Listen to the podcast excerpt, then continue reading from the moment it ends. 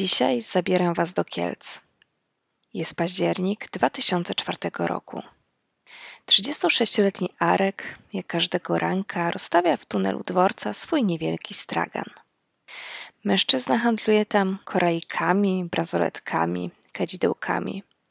Tak naprawdę handluje rozmaitościami, które kosztują od kilkunastu groszy do kilku złotych za sztukę. Pomimo tego, że ta praca nie do końca jest opłacalna finansowo i często rodzice Arka mówili mu, żeby po prostu ją porzucił, to Arek naprawdę ją uwielbiał. Jak ktokolwiek zapytał go, czym zajmuje się na co dzień, to on zawsze z uśmiechem odpowiadał, że feng shui. Zresztą nie było to do końca kłamstwem, ponieważ Arek naprawdę interesował się tą starożytną praktyką planowania przestrzeni w celu osiągnięcia zgodności ze środowiskiem naturalnym. Poza tym Arek uprawiał jogę, medytował, nie jadł mięsa. Na co dzień był spokojnym, bezkonfliktowym mężczyzną, który nigdy nie narzucał innym filozofii swojego życia. Dopiero wtedy, kiedy ktoś się bardziej zainteresował jego pasją, to bardzo chętnie dzielił się swoją wiedzą. Jak tylko ktoś podszedł do jego straganu, znajdującego się przy wylocie tunelu dworca PKP od strony Sienkiewicza, to od razu Arek cały się rozpromieniał i szczegółowo tłumaczył, na co wpływ ma dany kamień, na co pomaga konkretne kadzidełko. I trzeba przyznać, że Arek na ten temat wiedział chyba wszystko. Miał naprawdę ogromną wiedzę. Jak tylko ktoś zapytał, co może pomóc na migrenę, Arek od razu wiedział. Jednak jego wiedza nie obejmowała tylko medycyny naturalnej, jeżeli mogę to tak nazwać. Ale również nieraz do jego straganu przychodziły dziewczyny, które chciały jakoś zwrócić uwagę chłopaka i zadawały często pytania, co może zadziałać jako afrodyzjak. Mężczyzna od razu wiedział, co doradzić. Arek był bardzo przyjacielski. Lubili go nie tylko klienci, ale także inni sprzedawcy z niewielkiego bazaru w dworcowym tunelu.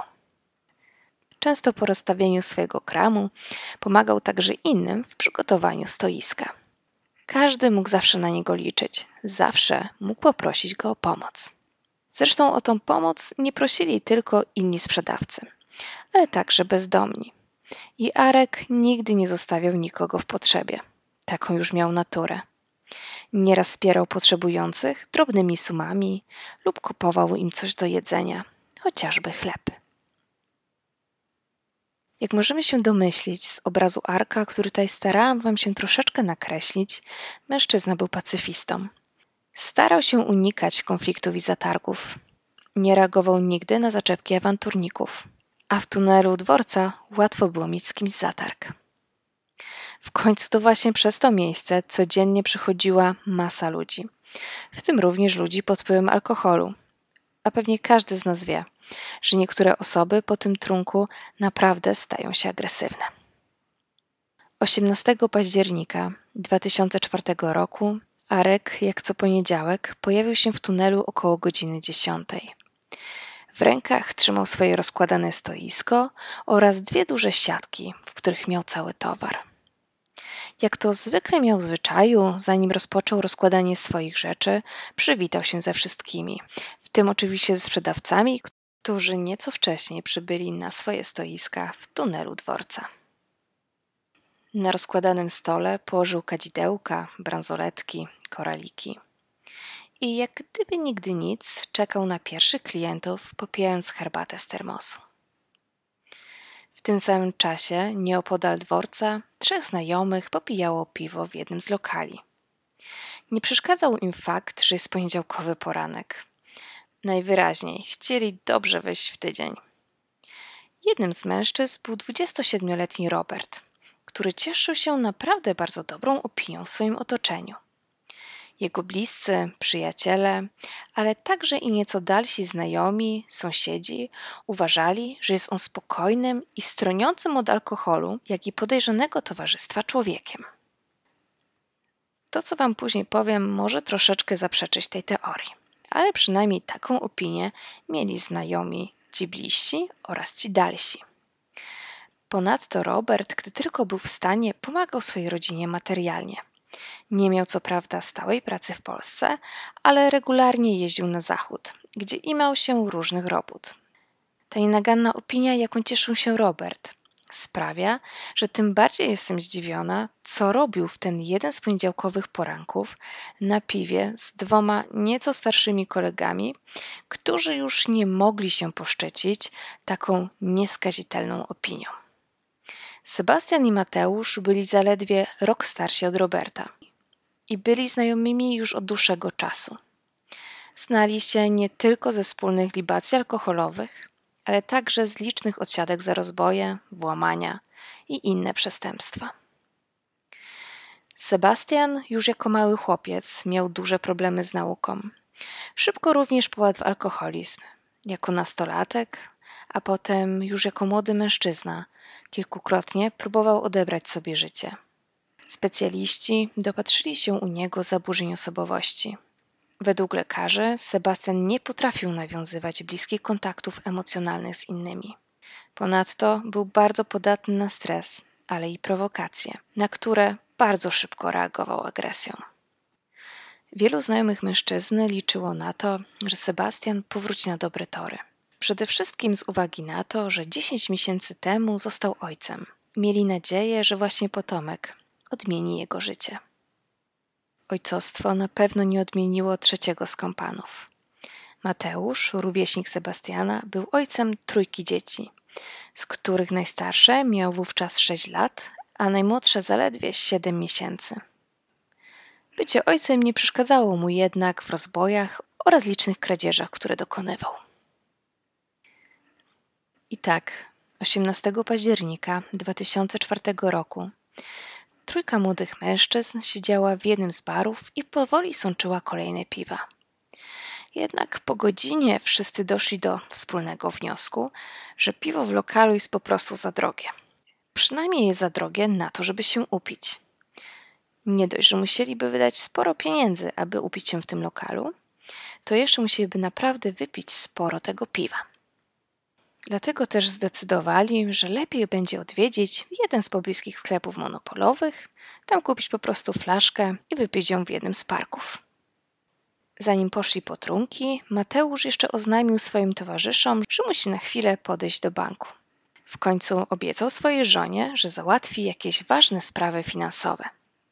Kiedy już wyszedł z placówki, ruszył żwawym krokiem do swoich kolegów, którzy siedzieli już na ławce. Około godziny trzynastej, zadowoleni, upojeni alkoholem, postanowili skierować się w stronę dworca PKP. Tak jak Wam wspominałam, był to poniedziałek, a więc dzień powszedni i o tej porze na dworcu było już naprawdę sporo osób. Niektórzy tylko przychodzili tunelem, inni, a szczególnie studenci, zatrzymywali się przy rozmaitych stoiskach, aby zobaczyć, co tym razem oferują sprzedawcy. Może na przykład uda się im kupić ciekawą książkę. Jak możemy się domyślić, żaden z trzech mężczyzn nie był jednak zainteresowany zakupem towarów. I kiedy przychodzili obok straganu, Sebastian jednym ruchem ręki skarnął ze stolika kilka kadzidełek. Arek był zszokowany zaistniałą sytuacją. Jednak spokojnym głosem poprosił mężczyznę, aby oddał mu te kadzidełka albo po prostu za nie zapłacił. Młody mężczyzna wtedy spojrzał na sprzedawcę i drwiąco zapytał: Jak nie zapłacimy, to co? Zbijesz nas? Pomiędzy Arkiem oraz trzema mężczyznami wywiązała się kłótnia, która bardzo szybko zamieniła się w bójkę. Arek po prostu pociągnął za kurtkę Sebastiana, który ukradł mu te kadzidełka. Na co Sebastian uderzył Arka pięścią w twarz. Wkrótce Sebastian oraz Robert dołączyli do swojego kolegi i również zaczęli okładać sprzedawcę pięściami. Była to godzina trzynasta, w poniedziałek. Dworzec jednego z polskich miast. Trzech pijanych mężczyzn bije jednego sprzedawcę. I nikt nie reaguje. Nikt nie przerwał, nikt nie krzyknął. Wszyscy odwracali wzrok. Dopiero młoda dziewczyna, handlująca nieopodal, ruszyła z pomocą. Za wszelką cenę próbowała odciągnąć napastników od Arka. Krzyczała z całych sił, próbując zwrócić uwagę innych przychodniów. Niestety nadal nikt nie reagował. W końcu na pomoc ruszyła kolejna kobieta. To na chwilę ostudziło agresorów. Tym bardziej, że podobno ta kobieta miała powiedzieć, że dzwoni na policję. Dwaj napastnicy pobiegli schodami do góry. Został tylko jeden. Nie bił już Arka, ale zaczął z nim rozmawiać. Jak później potwierdzają świadkowie, napastnik oraz Arek po tym pierwszym etapie bójki rozmawiali o kadzidełkach i pieniądzach. Ponoć padła kwota 30 zł, a napastnik próbował wmówić Arkowi, że zapłacił za drobiazgi, tylko on po prostu tego nie zauważył. Wyglądało na to, że awantura została zażegnana. Kobiety, które zareagowały na tę agresję, także się uspokoiły. Jedna powoli zmierzała do wyjścia z tunelu, natomiast druga powróciła na swój stragan. A tak naprawdę była w drodze, kiedy nagle usłyszała huk. Szybko się odwróciła i pobiegła z powrotem do arka. Sprzedawca kadzidełek leżał na ziemi. Oddychał, ale był nieprzytomny. Zrozpaczona od razu zadzwoniła na pogotowie. Sama natomiast nie wiedziała, co się wydarzyło. Przecież wracając na swoje stoisko, była pewna, że sytuacja została zażegnana. Niestety Mateusz zadał Arkowi kolejne ciosy, po czym uciekł z miejsca zdarzenia. Osoby, które wówczas znajdowały się w tunelu, w końcu zareagowały. Dwóch studentów, widząc leżącego Arka w kałuży krwi, rzuciło się w pogoń za bandytami. Wkrótce dołączyli do nich inni mężczyźni. Kiedy już prawie ich mieli, jeden z uciekinierów odwrócił się nagle i pięścią uderzył w twarz jednego ze ścigających. Potem prokurator ustalił, że tym bijącym był Mateusz. Jednak to nie zahamowało pościgu. Mateusz, widząc to, jednak się nie przestraszył. Kiedy już prawie kolejny ze studentów go dogonił, Mateusz włożył rękę do kurtki, tak jakby chciał pokazać, że ma w niej nóż. I ten blef zadziałał. Osoby, które rzuciły się za nim w pogoń, zatrzymały się, bojąc się po prostu o swoje życie. Nieprzytomny Arek z poważnym urazem głowy został przewieziony do szpitala. W tym samym czasie policjanci patrolujący dworzec PKP zatrzymali pozostałych bandytów.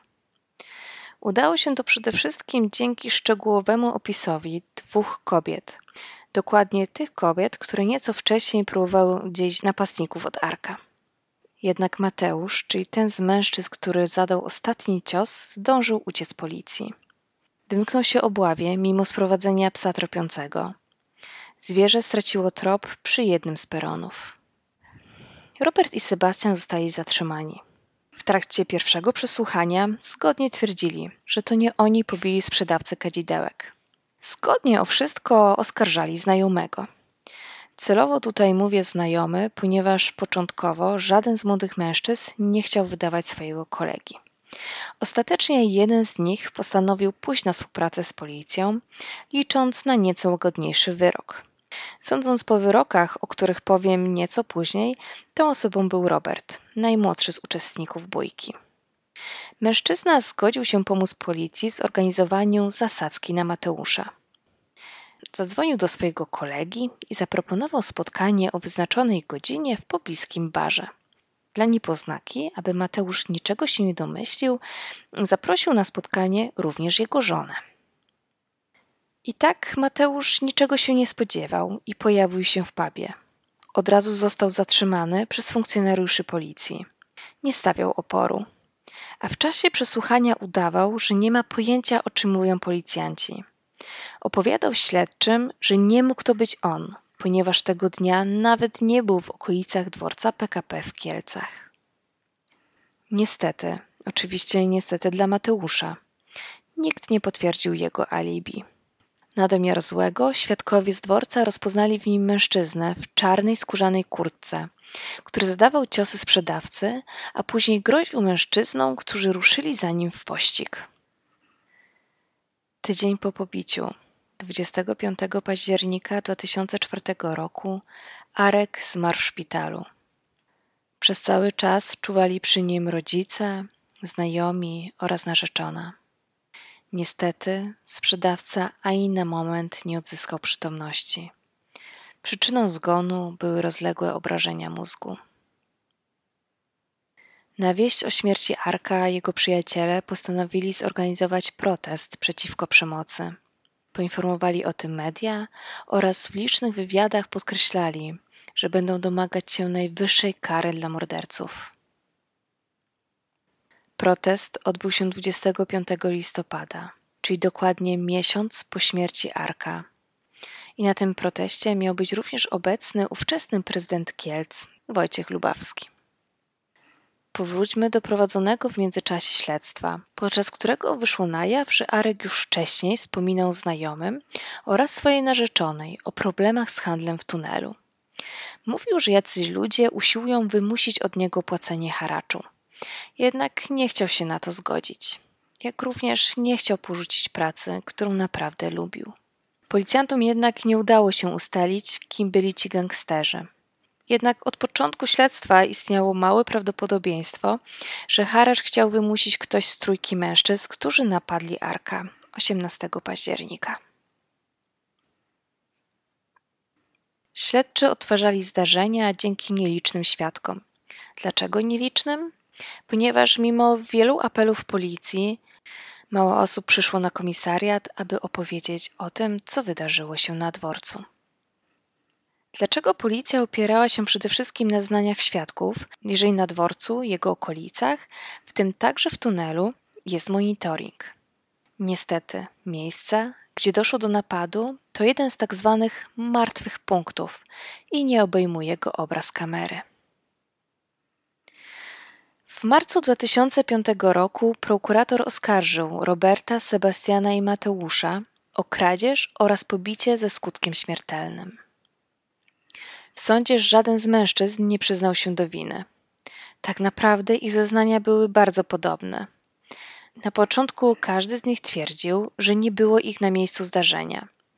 Potem jednak przypomnieli sobie, że byli, ale tylko z boku przyglądali się temu, jak koledzy biją Arka. Innymi słowy, każdy zwrócał winę na kogoś innego. Prokurator wysłuchał wyjaśnień podejrzanych, ale że były sprzeczne i niespójne, nie dał im wiary, uznając je za linię obrony mężczyzn. I tak, niespełna rok po śmierci Arka, sąd skazał Roberta, czyli najmłodszego uczestnika tych wydarzeń, na pięć lat pozbawienia wolności. Sebastiana na 7 lat, natomiast Mateusza, który zadał ostateczny cios, na 9 lat pozbawienia wolności. Robert został skazany na dwa lata mniej niż Sebastian, przede wszystkim ze względu na to, że jako jedyny nie był wcześniej karany i, i prawdopodobnie to on współpracował z policją i pomógł w schwytaniu kolegi. Sędzia w uzasadnieniu wyroku powiedział, że oskarżeni nie mieli żadnego powodu, aby zaatakować sprzedawcę. Arkadiusz nic im nie zrobił. Po zajściu uciekli, nie udzielili mężczyźnie pomocy, a w trakcie procesu nie wyrazili skruchy ani żalu. Ponadto dwóch z nich, pomimo młodego wieku, było już wielokrotnie karanych za rozboje oraz liczne włamania. Może zastanawiacie się teraz, dlaczego młodzi mężczyźni otrzymali stosunkowo niskie wyroki, jak na fakt, że Arek stracił życie dlatego że sąd uznał, iż nie mieli oni zamiaru zabić sprzedawcy. Wobec tego nie mogą być karani za zabójstwo. Wyrokiem rozczarowana była przede wszystkim rodzina Arka. Brat w udzielonych wywiadach podkreślał, że Arek zginął na oczach wielu ludzi, którzy tego dnia przechodzili tunelem, ale nikt nie zareagował. Nikt nie zareagował wtedy, 18 października, ale potem również praktycznie nikt nie chciał zeznawać w sądzie. Zaczęły pojawiać się głosy, że świadkom tych tragicznych wydarzeń grożono. Jednak te informacje nie potwierdziły się. Nie potwierdziły się, ponieważ nikt oficjalnie nie zgłosił, że ktokolwiek mu groził.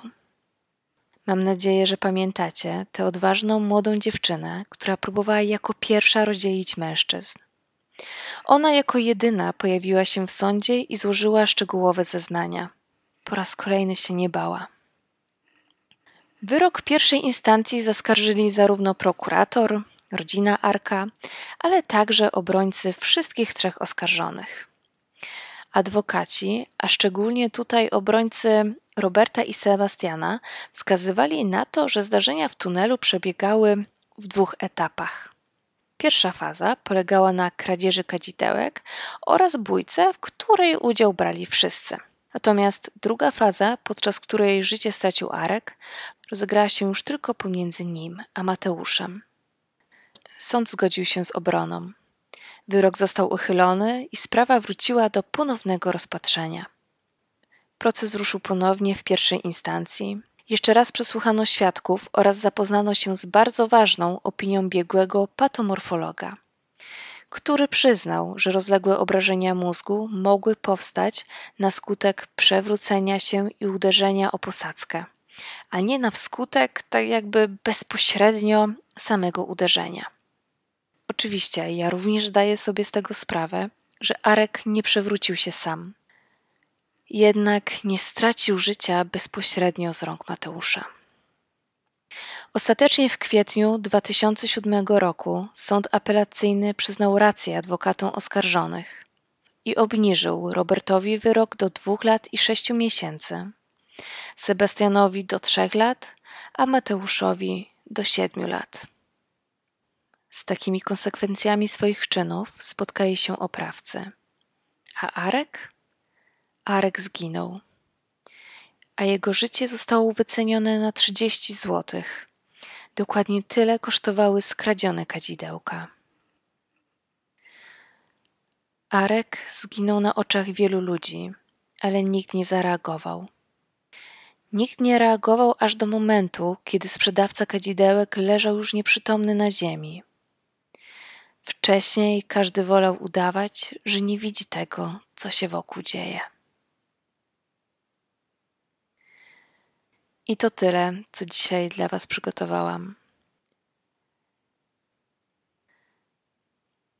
Do usłyszenia.